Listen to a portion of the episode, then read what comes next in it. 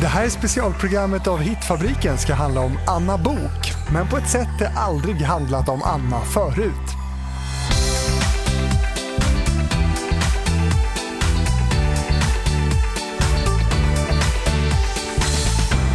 I den här serien program hör du barn till kända musiker välja ut deras favoritlåtar med sin förälder. Du ska för första gången höra Anna Boks dotter Felicia Bok berätta om de låtar som hon har starkast relation till från sin mammas produktion. Felicia, vad kul att du är här. Ja, men det är jätteroligt att vara här, verkligen. Jag måste bara först lite kort fråga, var det svårt? Nej, alltså faktiskt inte alls. Eh, trots att det tog lite tid för mig att skicka över låtarna, men det var inte svårt alls. Jag Hur gick du liksom tillväga? Nej, men det var liksom de första som bara... Jag satt faktiskt häromdagen och lyssnade på mammas låtar. Hennes lite äldre på engelska, de spelar jag jätteofta. Så att för mig, det var rätt självklart. Ja. ja. Och vi ska strax få lyssna på de som Felicia har valt ut. Välkommen till Min mamma Anna Bok. Vi börjar från början. Anna Bok föddes 1970 i Stockholm. 1984 deltog Anna i Dagens Nyheters talangjakt och kom fyra i finalen på Göta Lejon.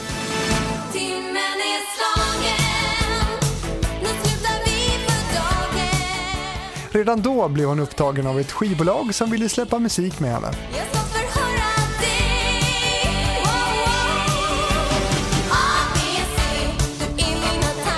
Året därpå får en större del av svenska folket bekanta sig med Anna i tv-serien Solstollarna som ledde till att hon fick spela in sitt första album, Killsnack.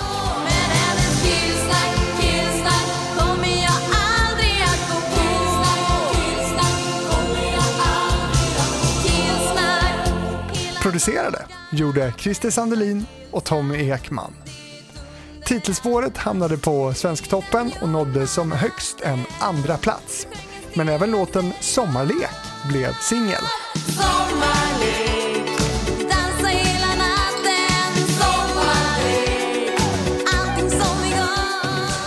1986 slår Anna igenom riktigt stort i Melodifestivalen. Låten ABC kommer att bli en svensk klassiker som de flesta fortfarande kan nynna med i. Låten slutade på en femte plats.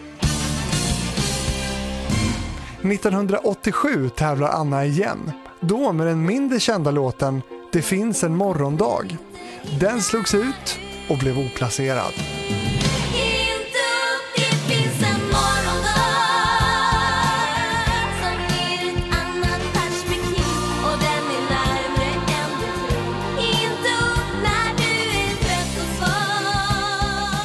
Anna har samarbetat med flera kända låtskrivare och producenter.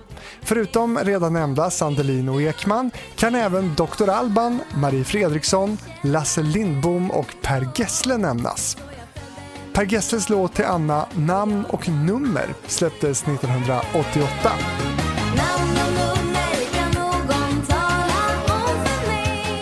Anna har förutom att jobba som sångerska också dubbat filmer och tv-spel och även deltagit och vunnit Biggest Loser VIP.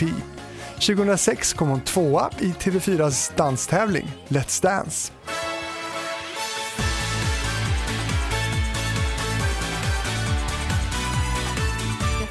–2007 gör Anna comeback i Melodifestivalen. Musikprogrammet som en gång startade hennes artistkarriär på riktigt.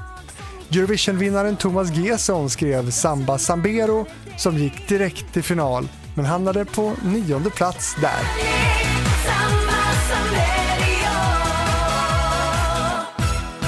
Anna skulle även ha tävlat 2016 men låten diskades bara dagar innan sändning. Anna är gift med Roberto och har tre barn. Felicia, Vanessa och Antonio.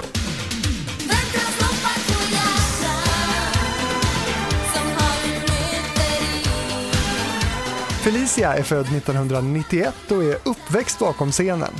Och för första gången i en längre intervju har hon valt ut de låtar från sin mammas stora musikkatalog som hon har närmast relation till och som gjort hennes mamma till en av landets mest kända artister.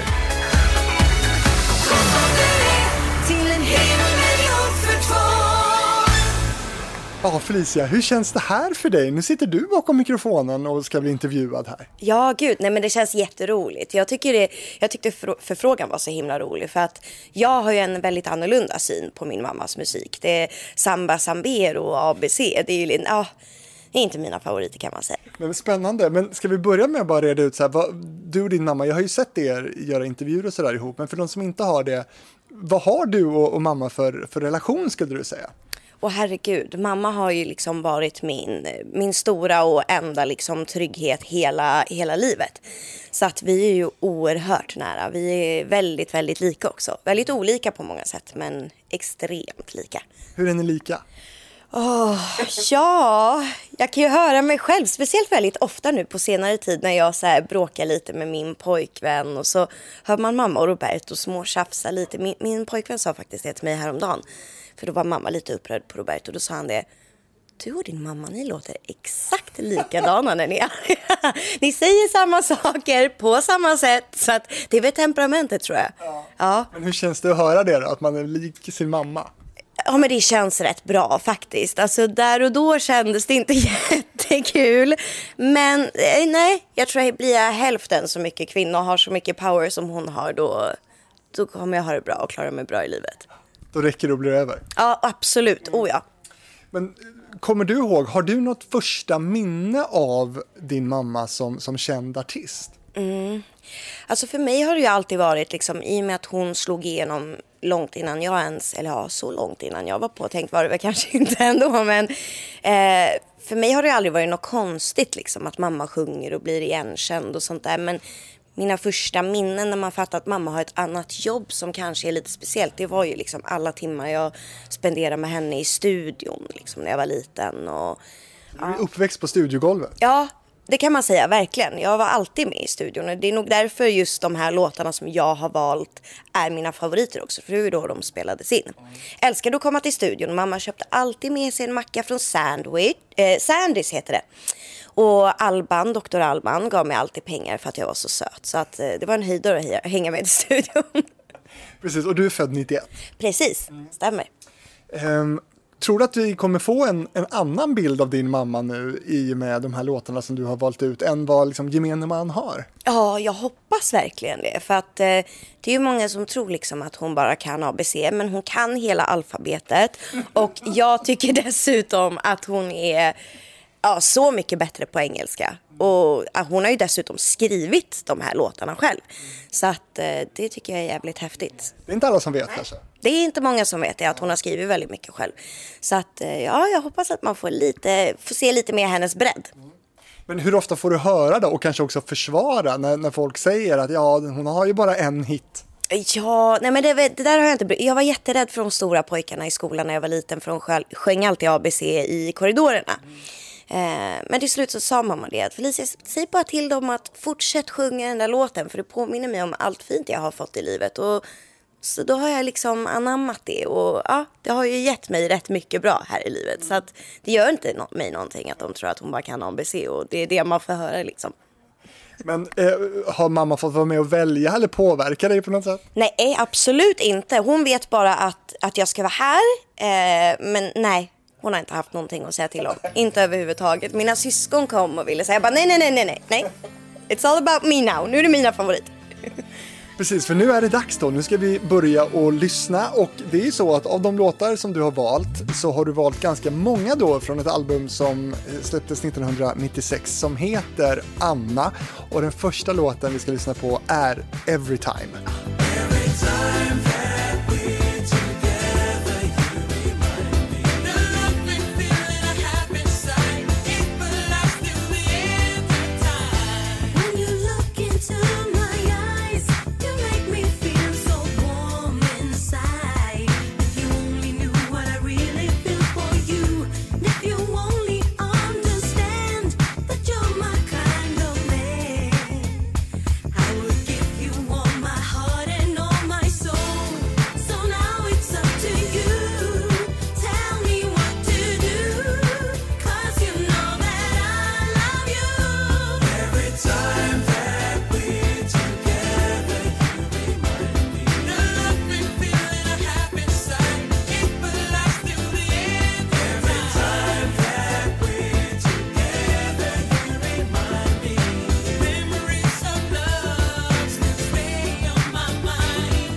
den är så jäkla bra. Ja, men den är så bra. Den är så bra. Jag älskar den. Det är ja, en av mina toppfavoriter. För det här är en låt som, som jag aldrig hade hört förut, men som nu när jag lyssnade på den bara kände att det här, det här var faktiskt riktigt eh, bra. Berätta, varför valde du den här? Nej, men jag tycker att den här, det känns ju som en riktig så här old school soul, eh, skön, jätteskön låt. Och så har du, jag för mig att han heter Charlie King som är med och sjunger på den också. Jätteduktig kille. Jag älskar den, bara musiken, den är svängig, skön. Jag kommer ihåg, vi brukar lyssna på den här i bilen, ville jag att hon skulle sätta på den här då. Så cab, nercabbat och det älskade jag. Så ni har lyssnat en del ändå på, på Annas musik hemma så? Ja, ja, med mitt tjat. Jag har ju spelat. Det är inte så, mamma har ju inte varit jättepigg på att spela sig själv liksom. Men, eh, men för mig har hon ju gjort allt och lite till. Så att, ja, bad jag om mammas låtar då var det det som spelades. Och, och, den här plattan då, Anna, du har ju valt väldigt många från, från den och visst var den eh, också i samarbete med just Dr. Alban? Va? Precis, den spelade hon in på Dr. Records, Albans skivbolag. Eh, du har Ari Lettonen, en jätteduktig sånglåtskrivare eh, heter det. Han har varit med och producerat och gjort många av, av låtarna så att eh, jag tycker de är super, super bra. Jag vet att den skivan gick väldigt, väldigt bra i Japan också. Det är ju någon japan som har lagt upp alla de här på Youtube så det har ju varit min savior nu liksom. Det är där jag går in och lyssnar.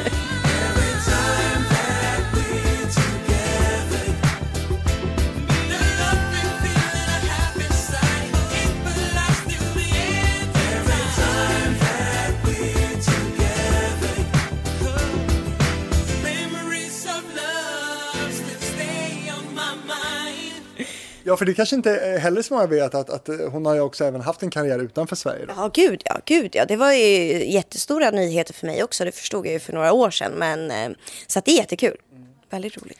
Men från det här studiegolvet då, där du är uppväxt, eh, har du också liksom, eh, hur mycket musikaliskt inspirerad har du blivit? Hur mycket musikalitet finns det i Felicia? Oh, det är fel fråga att ställa till mig. Då skulle jag haft mamma här istället. Jo, nej, men jag är jätte, jag älskar musik. Alltså, mår jag lite dåligt, då lyssnar jag på musik. Ska jag städa? Musik. Laga mat? Musik. Jag brukar stå med hörlurarna i och sjunga och då låter det inte jättebra. Men mamma brukar säga att jag sjunger bättre än vad hon någonsin har gjort. Så att det beror på lite vem man frågar där. Mm. Ja, men, intressant. Och eh, Everytime med Anna Bok, ditt första val då. Har, har du några andra så här speciella minnen kring den här låten, förutom att ni lyssnar på den nedkabbat i, i bilen? Ja, men jag vet att det är en av de låtarna som jag tror att jag har spelat mest så för andra också. Just om jag har velat visa upp mammas musik. Då är väl det liksom en av dem som jag har varit så med. Den här har hon skrivit själv och lyssnar. Vem tror du det här är? För vänner eller så. Så kan de inte sätta fingret på plats. Liksom. Så bara, men det är min mamma.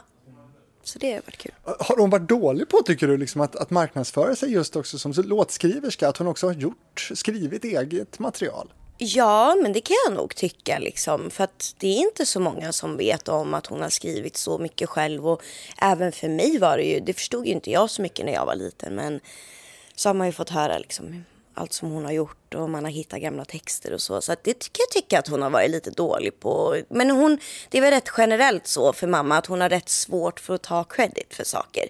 Alltid vill lyfta alla andra runt omkring och så. Och så hamnar hon själv lite i skymundan liksom. Vad beror det där på? Oh, jag tror att det är, mamma vill väldigt gärna liksom finnas där för andra, lyfta andra och stötta stötta och pusha. Och, alltså det tror jag är någonting som många har, som man kan känna igen sig i och att man glömmer sig själv. Men där är hon verkligen extrem och vill alltid vara hostess with the mostest. Och på fester då hinner hon ju knappt vara och umgås med folk liksom. För det är serva, serva och allt ska vara bra, allt ska vara perfekt. För att folk ska ha det bra liksom runt omkring henne. Men eh, då försöker vi andra i alla fall vara pigga på och liksom lyfta henne. Det är någonting som jag själv har ja, men försöker väldigt mycket med att lyfta henne och alltid pusha och peppa och få henne att inse liksom vad hon kan. För hon är väldigt duktig på att liksom tvivla på sig själv. Hon har blivit bättre på det måste jag säga. Mycket bättre. Det är bra. Och vi ska gå vidare till nästa låt. Som sagt från samma album som heter Anna från 1996 och låten heter It's a shame. Den ska vi höra lite av nu. Eh, och eh, lyssna gärna lite extra noga på kören. Det står nämligen en prominent person som ska nå stora internationella framgångar eh, lite senare.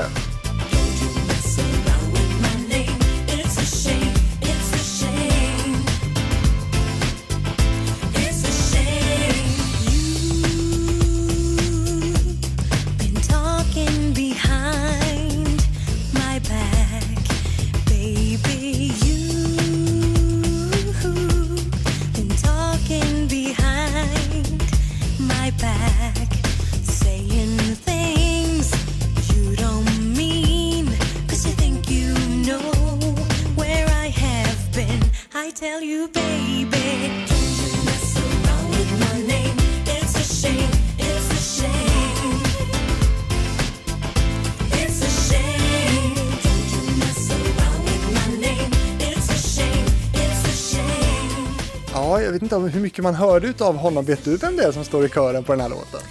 Oh, jag vågar inte chansa. Jag vet ju några som har körat henne det, till henne. Det är väldigt många som har körat bakom mamma faktiskt. Hon, hon har dock aldrig körat bakom någon så vitt jag vet. Men kan det vara Mr Tommy Nilsson? Nej. Det kanske det var, men enligt de uppgifter jag hittar på, på internet på det här, då, då ska det vara Jörgen Elofsson. Ja, men det stämmer. Det stämmer. Det stämmer. Det, då har Tommy varit någon annanstans. Eller så är det jag som har blandat in Tommy i leken. Men det kan väl vara kul. men berätta om It's a shame. It's a shame, den är ju, det, det, är en av också mina favoritlåtar som jag tycker är så jäkla bra idag. Jag tycker att hon borde nästan så spela in en, en remake på den för den är så i tiden. Hon, hon är ju väldigt utsatt av eh, mycket troll och mycket folk som tycker och talar så hon har alltid varit väldigt, väldigt omskriven i pressen. Det är mycket löpsedlar och så. Då tycker jag det är så jäkla, den är så bra den där texten. Don't you mess around with my... Ja, så jäkla bra. Den är så bra.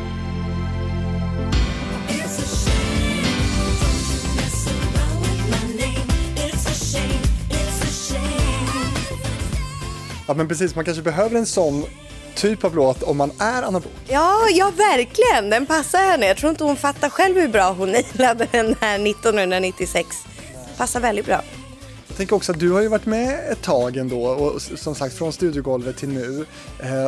Det är ju en annan tid nu. Du nämner själv det här med, med liksom nättroll och, och vara utsatt på olika sätt. Och hon har ju varit väldigt omskriven alltid. Men har, har du märkt någon skillnad nu då på senare år när, när sociala medier är så pass mycket större och starkare? Ja, gud, jag märker ju jätte, jättestor skillnad. Jag kommer ihåg liksom när jag var yngre, det värsta som kunde hända var väl att det kom ett brev i brevlådan när någon skrev du är ful. Idag så man är så tillgänglig som offentlig person, ja, beroende på hur tillgänglig du gör dig. Och min mamma är ju en sån person som jag tycker är väldigt tillgänglig för de som tycker om henne och ja, även de som inte gör det. Så att på senare år så har det ju kunnat bli väldigt, väldigt stora liksom drev och sånt. Eh, och det finns så många olika kanaler liksom där man kan nå så att eh, jag själv håller mig borta från sociala medier. Jag har tagit jätteavstånd från det på senare, senaste året faktiskt. Jag känner att eh, det påverkar verkligen inte människor på ett bra sätt. Det gör verkligen inte det. Och jag kunde höra andra som pratade om det så förut och tycka att men, gud vad de överdriver eller man vill vara så privat och inte riktigt förstått det och det är väl också för att jag är så uppvuxen i någon som står i rampljuset och alltid syns lite här och lite där. Men nej, nu på senare tid så känner jag ännu mer att så här, ah, det här med offentligheten, det är inte jättekul alla gånger liksom. För du har väl kanske också sett baksidorna? Ja, absolut. Absolut. Alla baksidor. Och jag kom, hade en period när jag var lite yngre när jag tyckte det var väldigt jobbigt att vara ute bland folk. Och man kan inte sitta och äta utan att någon kommer fram och ska ta bild när man har mat i hela munnen. Eller, jag kan fortfarande bli lite småirriterad sådär ibland. Vi var i mataffären faktiskt bara för någon dag sedan. Och så folk tror att de är så diskreta va, när de ser en kändis eller någon de känner igen. Men de är inte diskreta för fem öre. Och så ställer de sig och de tar kort och så ser jag hur mamma tycker det är jobbigt. Jag personligen bryr mig inte, men jag ser att hon tycker det är jobbigt. Om... De smygtar kort? Ja, de smygtar kort. Liksom om hon står, jag skulle plocka godis liksom. Då är det jättekul att få bild på Anna vid, vid lördagsgodiset liksom. Men då då kan jag liksom ställa mig markant så här och det fnissar till om de skrattar eller man hör någon sjunga ABC någonstans. Men det är liksom inte så farligt. Och sen har man ju någonstans liksom vant sig, vilket är rätt sorgligt egentligen. Men, men eh, ja, det kan ju bli mycket, mycket värre idag och mycket större drev och jag tycker folk har något jäkla knasigt behov av att lägga näsan i blöt och alla har blivit allvetare helt plötsligt från ingenstans. Det är otroligt. Hur tycker du att hon, hon hanterar det då? För som sagt, det är ju ett, ett annat klimat idag. Jag måste säga att jag tycker att hon har blivit ändå rätt bra på att, eh, på att hantera det. Det märker jag ibland när det liksom enough is enough. Då kan hon säga ifrån. Hon kan ju bli arg och brusa upp och säga ifrån men då tycker jag liksom att hon är berättigad att göra det också. Sen kan ju andra göra sig lustiga på det och det finns klipp på Youtube. Anna Book är arg och skäller ut en följare och då har hon ju fått något rykte att hon blockerar allt och alla. Och, men alltså vadå, det är väl min rätt. Om någon är inne på min Instagram på ett fejkkonto och trakasserar mig och bara larvar sig, då har man väl vilken rätt man vill att blockera den människan. Och ja, alltså folk har glömt bort hur det är. Att man kan inte säga vad som helst till vem som helst utan att få en smäll på käften. Så att jag tycker att när hon ryter ifrån så är hon liksom berättigad att göra det. Sen kommer inte andra se det så jämt och det är fine liksom. Men jag tycker hon har blivit bättre. Det fanns en period när jag märkte att hon kunde ta åt sig extremt mycket och jag märker vissa dagar kanske och faller hon ner och kan vara så här. Nu skriver någon, gud vad det så gott ut men ser det verkligen så gott ut? Och så tänker man, men personen kan ju faktiskt tycka att det ser jävligt gott ut. Eller så är personen väldigt ironisk. Men det spelar väl ingen roll liksom. Men jag tycker hon har blivit bättre på att hantera det och liksom inte bry sig. Jag tror att för oss är det nog väldigt lika att hon har inte så mycket problem med vad någon säger om henne. Men när de talar om hennes barn eller hennes man, då, då jäklar. Och där är jag precis likadan. Man får säga vad man vill om mig, men Nej, jag, när någon talar illa om mamma eller hon får oförtjänt skit, då, då blir jag rätt irriterad liksom och lack. Ja, och då hur blir du då? Nej, men jag är snabb att försvara. Det, jag tror att det är väl rätt känt för det har varit några artiklar om gånger jag har gått ut och ja, försvarat henne offentligt och så. Det, sån har jag alltid varit. Jag står upp för de som inte kan eller inte ska behöva stå upp för sig själva. Liksom. Ibland är det rätt jobbigt att behöva försvara sig och då, då är jag gärna där och gör det. Men ni kanske kan stötta varandra där i liksom både själva attackerna, eller man ska säga, men också utåt, tänker jag. Absolut. Ja, jag, vi, hon har alltid stått upp för mig och alltid varit väldigt sån, liksom, oavsett vad som har hänt eller vad jag och mina syskon har gjort. Så, och hon behöver ju inte alltid tycka att vi har gjort rätt eller stötta oss i det vi har gjort. Eller hon kan bli arg och förbannad.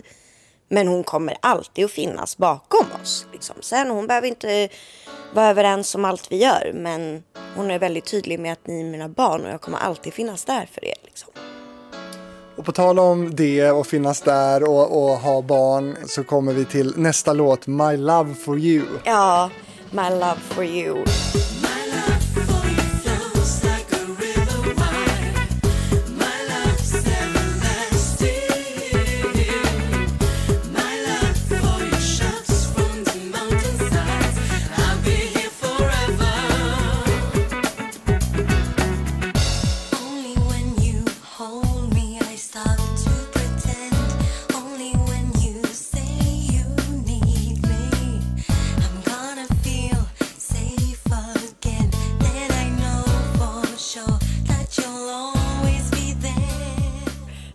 Det är, en av mina favoriter. Det, det är ju också en av två låtar som jag har valt som jag vet är skrivna till min pappa då. Till min pappa Mehmet. Eh, för jag kommer ju från ett lite tidigare förhållande. Hennes ungdomskärlek. Så att, ja.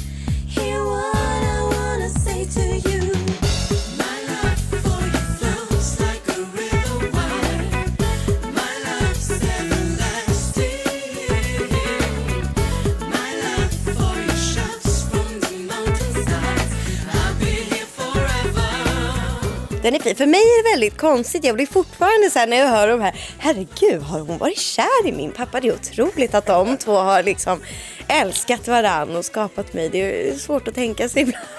ibland. Varför då? Ja men, de, ja, men det är väl ingen hemlighet att min mamma och min pappa inte hade liksom det bästa förhållandet på senare år. När jag var liten, då var ju inte han speciellt närvarande eller så. Så att eh, ja, jag är ju van vid att det bara är jag och mamma liksom. Eh, så att ja, den mamma och pappa-relationen, den är väldigt luddig för mig sådär. Hur gammal var du när de splittade upp? Jag var ju fem, skulle fylla sex. Så att det är ju liksom den här tiden när de här låtarna skrevs. Och det hör man ju att det är lite uppbrott. Och, ja, jag kan ju känna igen relationen och för mig blir det väldigt häftigt. För att det väcker ju väldigt mycket men sen är det ju väldigt kul att få höra också och förstå att okej, okay, de hade faktiskt någonting som var väldigt fint en gång. Det måste betyda någonting för dig ju. Ja, absolut. Det gör det verkligen. Ja, samma där har jag ju, min pappa var, är konstnär och målar väldigt mycket och han har ju, har ju mamma sparat åt mig tavlor som han har liksom målat på oss i familjen och sådär. Så att det är fina minnen. Hans, hans konst och mammas, mammas musik. Så My Love For You, kan man säga att det är ändå en, en låt som, som speglar eh, din bakgrund, din familj? Absolut, det gör det. För att det är, jag har sett eh, fina stunder mellan dem där jag kan förstå liksom varenda ord hon sjunger till honom här och sen så har vi en annan låt där jag förstår liksom allt hon menar där också så att ja det är häftigt. Så de är så pass personliga i alla fall skulle du säga de här låtarna då? De är jättepersonliga, absolut. Det är Taylor Swift-nivå på de här. Verkligen. Alltså, det finns alltså likheter mellan Anna Bok och Taylor Swift? Ja, gud nu hittade vi det. Det trodde man fan aldrig skulle hända. Men Taylor Swift och Anna Bok har en likhet. De har hängt ut sitt ex i låtar. Taylor Swift kanske ligger lite högre där i kurs men eh, mamma kommer där, hack i häl.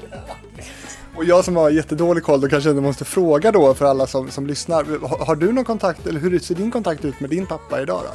Idag så faktiskt faktiskt just idag ingenting alls. Eh, jättetråkigt men med min pappa så har det varit väldigt mycket upp och ner och, och fram och tillbaka och där har, har jag tagit ett val för, för faktiskt mitt eget välmående. Jag har alltid fått vara väldigt liksom drivande i den relationen och känner att det tar lite för mycket på mig liksom. Så att idag faktiskt tyvärr ingenting alls. Sen är jag väl öppen för det men det, det, är mycket som har hänt, många år som har varit liksom jobbiga och tuffa och där tror jag är så. Man, får, man måste sluta kompromissa med sig själv och bara göra det som en själv mår bäst av. Ja. Alltså relationen med föräldrar är ju sällan okomplicerad. Ja, väldigt sällan okomplicerad. Men så är, man kan ju inte räkna med att man ska ha någon relation i livet som egentligen är okomplicerad. Det kommer alltid, så där får man bara avgöra vem är värd att, att det ska vara lite jobbigt och, och må lite dåligt över. Och där känner jag att ja, det har jag gjort tillräckligt. Och där är också säkert många som kan känna igen sig i att det finns ju faktiskt många som har på ett eller annat sätt brutit med sina föräldrar. Ja, absolut. Och det, det spelar ingen roll. Det kommer alltid finnas liksom eh, en kärlek där och det är ens förälder och så.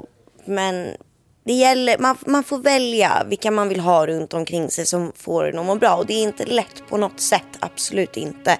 Men i längden så mår man nog väldigt bra. Men det kommer ju smällar med det också som kommer komma förr eller senare och det vet man ju inte. Jag vet inte nu hur jag kommer ta det när, när han inte finns mer. Eller, så att, men det, det är jag beredd på liksom. Jag tror att allting blir som det är, är menat att vara liksom, för att man ska må och ha det så bra man kan. Och vi ska alldeles snart lämna 90-talet, men vi ska lyssna på en låt till från albumet Anna då från 1996 och det är Heaven.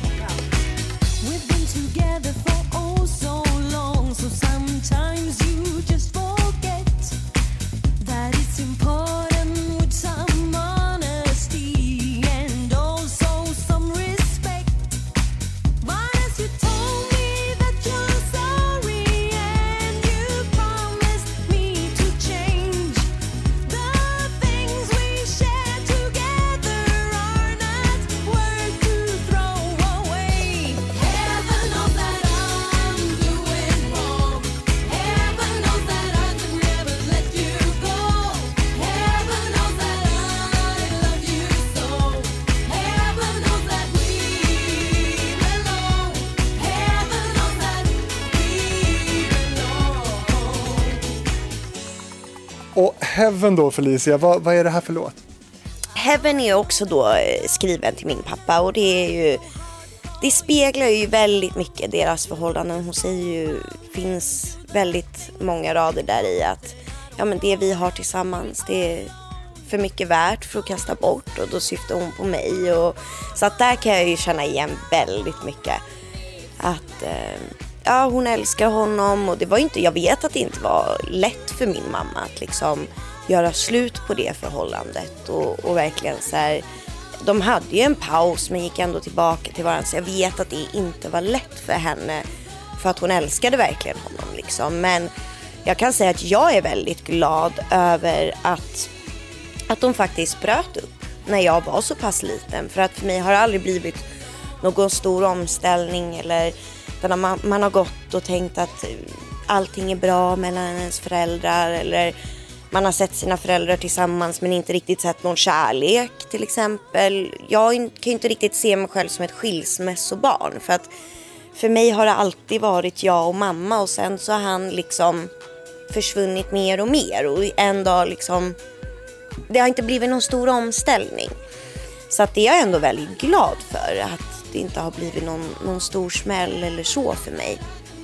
Så att, eh, men ja, den är väldigt fin den där låten. Jag tycker jättemycket om den. Hon har gjort en liten remake på den här nu, kanske bara förra året. Men jag tycker ändå den här äh, klassikern är, den är bäst.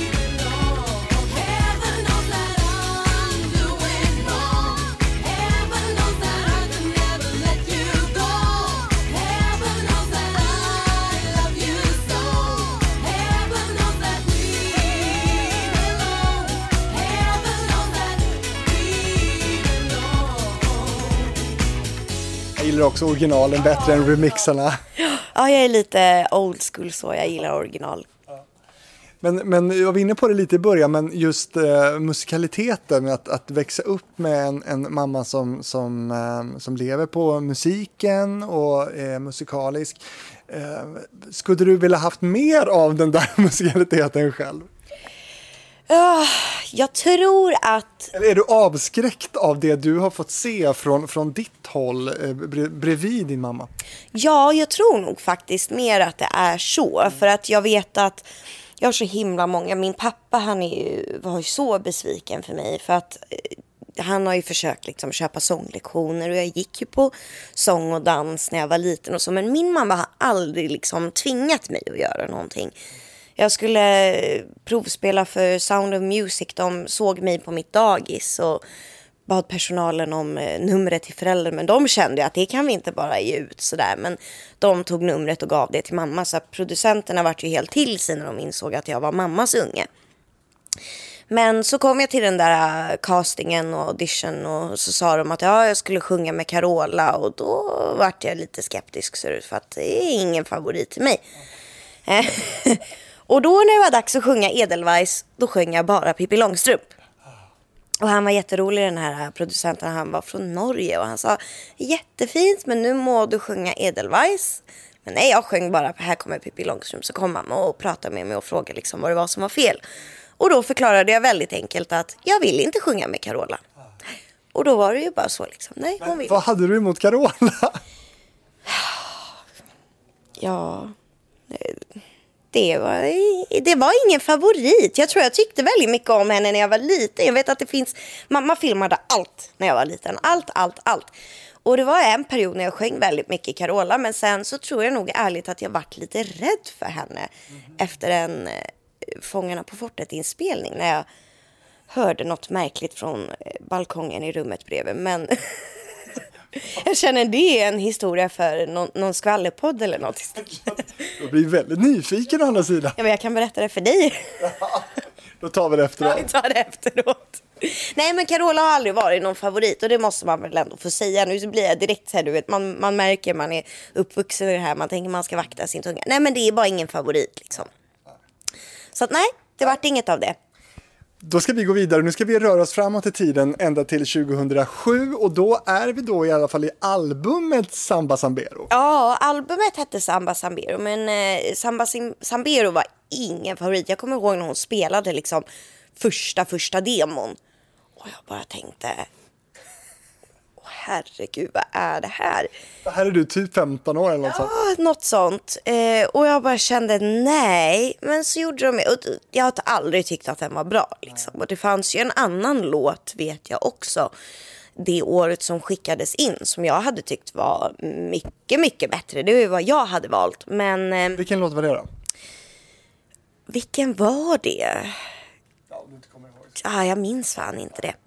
Men eh, det var en annan låt som var mer lik Kom och den här Dansa mot kärleken. Och det hade jag tyckt var bättre. Men hon har väl satt liksom i just i Mello i lite det där. Eh, det är inget fel på slager. Absolut inte. Det finns många bra slagelåtar Men då får man väl sätta det där lite i töntschlagerkategorin. Ja. Jag känner att jag får göra det i alla fall. För det, det är en vanlig tonåring kan ju verkligen tycka att ens, ens mamma är sjukt pinsam och sådär. Mm. Hur är, jag tänker din tonårsperiod då och, och, så ställer hon sig då och gör Samba Sambero i Melodifestivalen. Vad, vad, hur var det för dig liksom? Nej, men jag kan säga även fast jag inte gillade låten i sig så ha, var jag ju där och hejade på och ringde och röstade för säkert 60 000 000 kronor.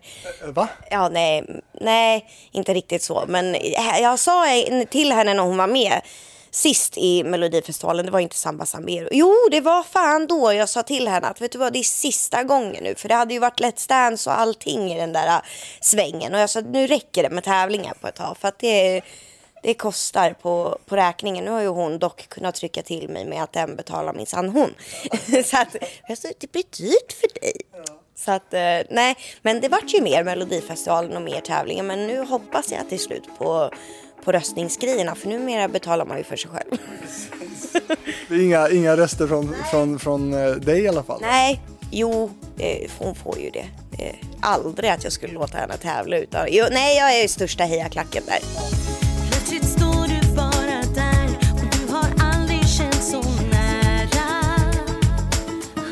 Och låten då kom eh, från 2007. Eh, varför valde du just den här då? Den tycker jag, jag tycker den är jätte, jättefin. Där tycker jag att så här, det visar lite mer vad hon skulle kunna göra. Jag tycker att många andra artister hade kunnat göra dem och då hade de varit så himla solklara och självklara och spelats på radion och allting. Men inte riktigt blivit så med mamma. Jag tycker de har hamnat lite i skymundan, vilket, vilket är synd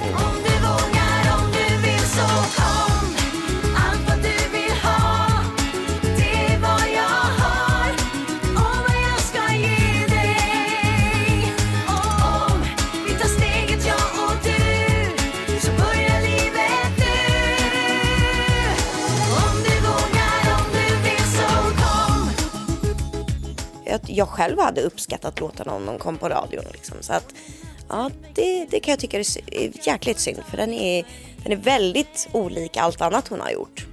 Men nu, nu bara lyssnar jag på det du säger och är det så att du kanske tycker att, att Anna inte har fått det erkännande som hon förtjänar med tanke på den framgång då ändå som hon har haft?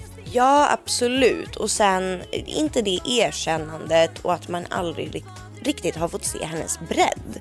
Utan att man tror just att A, B, C och samba, sambero är allt hon kan liksom. Men där hör man ju på de här låtarna som jag har valt en helt annan typ av musik och andra melodier, ett helt annat stuk liksom.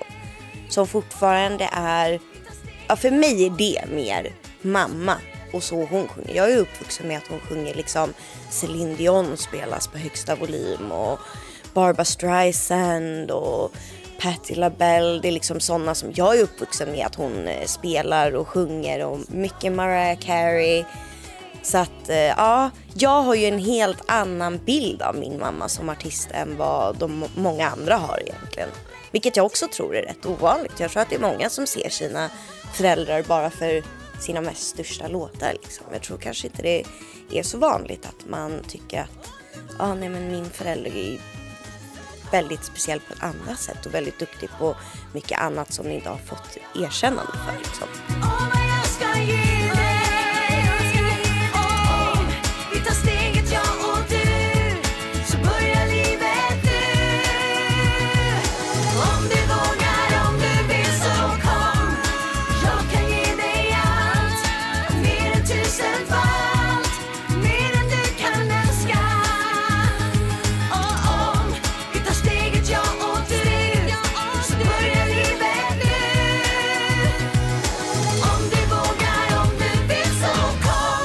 Väntar fortfarande på att hon ska sjunga in liksom the big ballad. Ja, jag vill ju liksom, hallå, sjung på engelska för fan. Vart är alla engelska låtskrivare? Det finns många som sitter på låtar som min mamma skulle sjunga, ja, fan bättre än vad många av eh, våra svenska sångerskor skulle göra, skulle jag säga.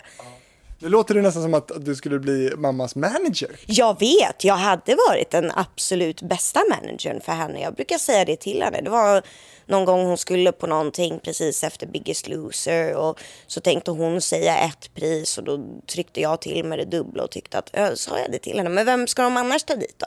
Tvåan eller trean eller? Nej, de, de vill ju ha dig så du kommer ju få det. Liksom. Det var samma dag också, hon skulle iväg på något ja, kvällsprogram sådär. Och så, så hon tyckte, nej gud, det kan, så mycket kan jag inte säga. Jo, säg det, prova annars är det väl bara att gå ner lite då. Så gjorde hon det. Ja, kirrat och klart. Så att eh, jag borde vara hennes manager och bara dubbla gagerna på en gång. Men det är svårt att sätta ett pris på sig själv, men man är väl eh, oftast mer värdefull genom någon annans ögon. Så att jag skulle kunna ta på mig det utan problem, absolut. Vad skulle du säga är det sjukaste då som du har fått uppleva eh, på grund av, av mammas karriär? Oj, det är ju så oerhört mycket grejer. Jag, dels har jag ju fått göra väldigt mycket själv som man aldrig trott att man skulle få göra. Varit och spela in Fångarna på fortet tre gånger och men det är väldigt många liksom sjuka situationer där man har hamnat där man bara tänker, herregud vart är jag? Eh, när man har varit med mamma på jobb och sådär. Men eh, svårt att komma på en sådär på stående fot. Behöver inte. Jag tänkte om det var något sånt där top of mind liksom. Ja, men det kan ju vara liksom när jag och mamma har varit på något event någon gång lite sent och så går man in på 7-Eleven och bara ska köpa någonting lite snabbt och så står en hel liga där som är liksom kalas och mamma ska skriva autograf på bröst och jag vet en gång här, inte för inte så länge sedan var vi och strosade nere i Sigtuna hamnen, bara gick en liten promenad och då satt det några finnar där och drack öl och vill ni ha en sup? Och de började dansa med oss där och tyckte åh gud Anna Bok kom, det var helt fantastiskt och hon var så fin människa och så såg man alla runt omkring. Men det är ju jäkligt här, kul tycker jag. De tyckte vi var supertrevliga. De är så vana vid alla som bara sitter och usch usch tycker att de är jobbiga och sitter och dricker och har sig. Men nej, det var trevligt. Vi tog en liten dans och sväng om med dem där. Och då tänkte jag, herregud, det, det händer liksom bara om man är ute och går med Anna Bok på en promenad. Är det någon skillnad för dig då med, med du sa själv nu just Anna Bok, alltså mamma Anna Bok och artisten Anna Bok. Är det samma person för dig eller är det liksom två olika personnamn? Ja, för mig är det ju väldigt mycket, det är ju samma person. Det är det absolut, men det är ju väldigt stor skillnad på Anna Bok i folkmun och Anna Bok som vem som helst, hennes vänner och vi som är runt omkring henne känner. För oss är det ju så himla skönt, när hon är live till exempel på Instagram, hon är väldigt bra på att lajva på Instagram. Um, då är det ju väldigt många, Jag kan förstå att folk kanske tycker att hon är liksom, kan tro att hon är tillgjord eller, men hon är verkligen precis så som hon är. Mm. När hon är live. För mig är det inte, har jag liksom inga stunder när jag tänker gud vad hon gör sig till nu eller om vi har spelat in eller gjort någonting tillsammans. Aldrig att jag tycker att hon är annorlunda eller så.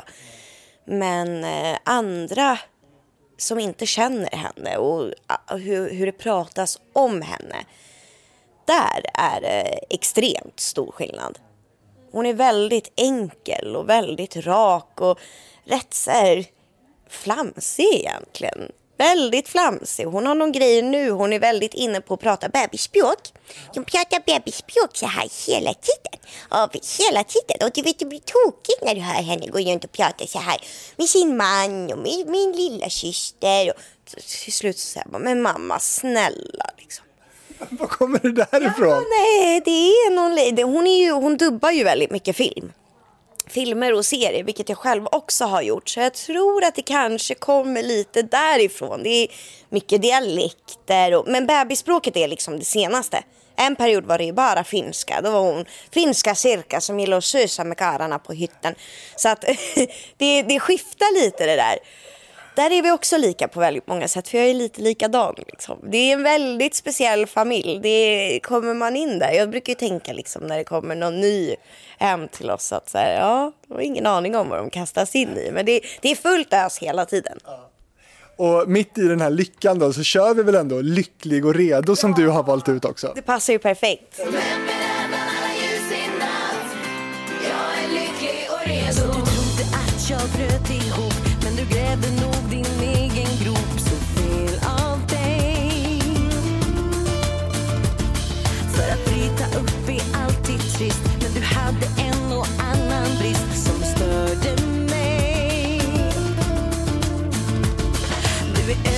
Hela din mitt liv. Raderad helt passé.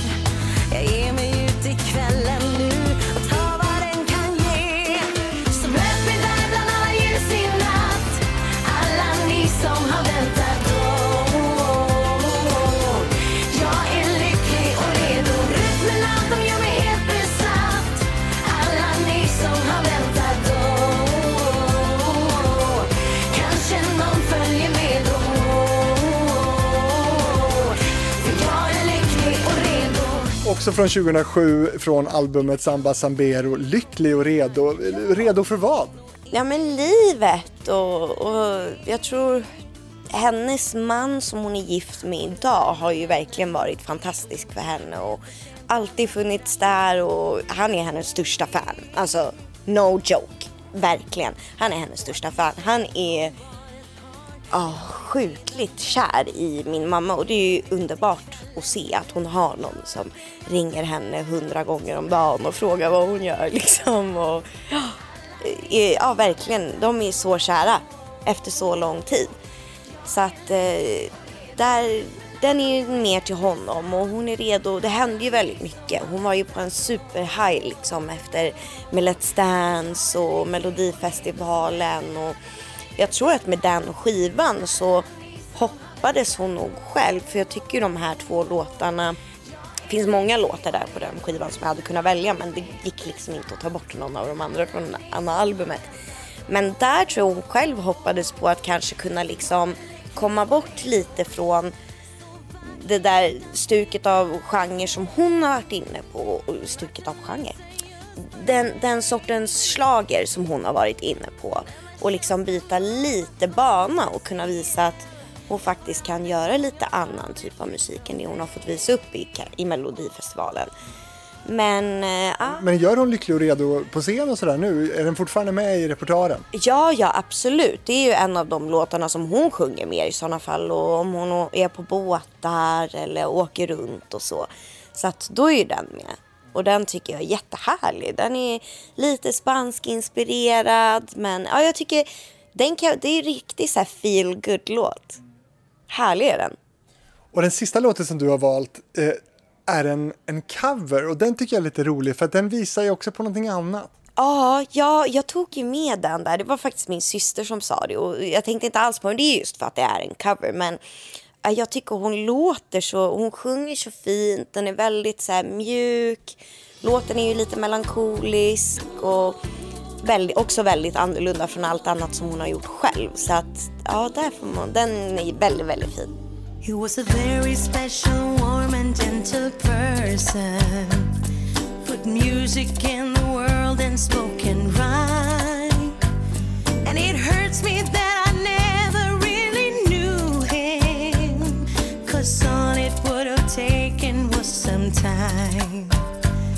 know we all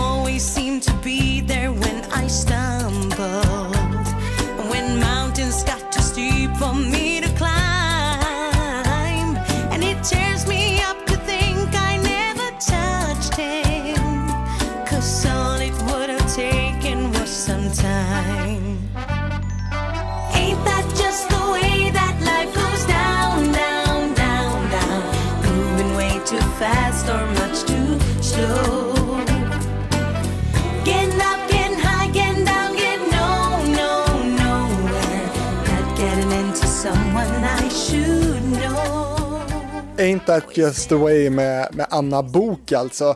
Ska vi avsluta Felicia med att, att du får berätta vid vilka tillfällen som du då har, har känt dig mest stolt över mamma rent karriärmässigt? Åh gud, det är så svårt att välja. Men alltså varenda program hon har ställt upp i, varenda gång hon tävlat i Melodifestivalen. Till och med när hon liksom vart diskvalificerad med himmel för två men ändå gick upp på scenen och liksom framförde låten fast hon var helt förstörd och bara liksom körde stenhårt. Det, det finns inte riktigt något specifikt. Jo, det får jag väl ändå säga en sak, nu kommer jag på det och det var ändå när hon vann eh, Biggest Loser. För att det var någonting som jag aldrig trodde att hon skulle ställa upp i. Jag vet hon var ju så förbannad och hon trodde det var ett skämt när de ringde från första början. Och med allt prat som har varit om hennes kropp och vikt. Liksom. Det är inte, jag förstår att hon tog illa vid sig. Det måste vara ett knepigt samtal att få. Ja, lite knepigt. Det, det kan man ju tänka själv. Har ni vill att jag ska vara med i Biggest Loser VIP? Tack för den.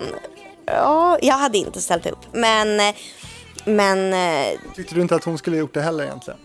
Jo, alltså till en början reagerade väl jag nog som henne. Att säga, nej men gud, vad, nej absolut inte. Men när jag såg vad det gjorde för henne och allt hon klarade av och tog sig igenom på den tiden och, och, och gjorde så mycket för sig själv och bara åka iväg från oss och vara borta från oss i fem veckor. Men det var ju en chock när hon kom hem och jag tänkte så här, men då kan vi gå ut på en morgonpromenad imorgon och så vaknade jag vid åtta och tänkte att yes, jag vaknar i bra tid.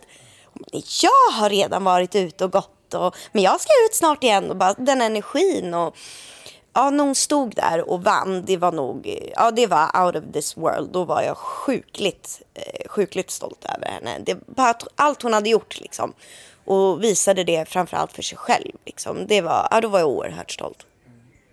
Men som sagt, ingen mellolåt bland de här. Nej, ingen mellolåt. Det, det fick de inte höra. Men jag kände att de har ju fan hört det så många gånger. Så att nej, det vart inget sånt nu. Men jag hoppas att, att det, det alla fått höra istället var, var en positiv, härlig överraskning. Spännande att höra, framför allt kanske då eh, Every Time och Heaven. Ja, vad roligt, vad roligt. För Every Time och Heaven, ja de är... Every Time, Heaven, det är två av mina, det är mina favoriter. Och sen kommer It's a Shame där på en tredje plats. De är grymma. Jag själv, hade jag sjungit och inte hade varit så jäkla, eh, haft sån scenskräck, då hade jag nog själv tänkt att så här, kanske jag ska spela in dem och göra om dem. Men eh, nej, det, det kommer inte hända. It ain't gonna happen. Fast det har jag ju fått lära mig, så ska man aldrig säga. Så det ska jag inte säga, men i nuläget nej. Hur var den här upplevelsen för dig nu då? Det var jätte, jättekul, supermysigt och roligt att träffa dig och bara sitta och snacka lite och ha lite trevligt. Det, man är ju mest hemma nu dessa tider. Så att det här var en perfekt liten eh, paus från verkligheten och jätteroligt att få komma hit. Jättekul att du ville att jag skulle komma. Och jag som har träffat din mamma då måste ju säga att ni har ju väldiga likheter. Ni pratar väldigt likt och, och pratar mycket också. Ja, pratar mycket. Ja, ja, jag pratar jättemycket. Ja, Och du som har lyssnat, har du synpunkter eller eh, möjligen kanske önskemål på vilka andra barn till kända musiker som ska göra ett liknande program? Hör av dig på fabrikspost@gmail.com. Du har hört Min mamma Anna Bok producerat av mig Fredrik Rahlstrand. Tack så mycket Felicia för att du var med. tack snälla du Fredrik för att jag fick komma. Och gillade du det här programmet då finns det fler i samma serie att hitta på min YouTube-sida, YouTube-kanal som heter just Fredrik Rahlstrand. Där finns bland annat till exempel min pappa Ted Gärdestad och min pappa Tommy Körberg.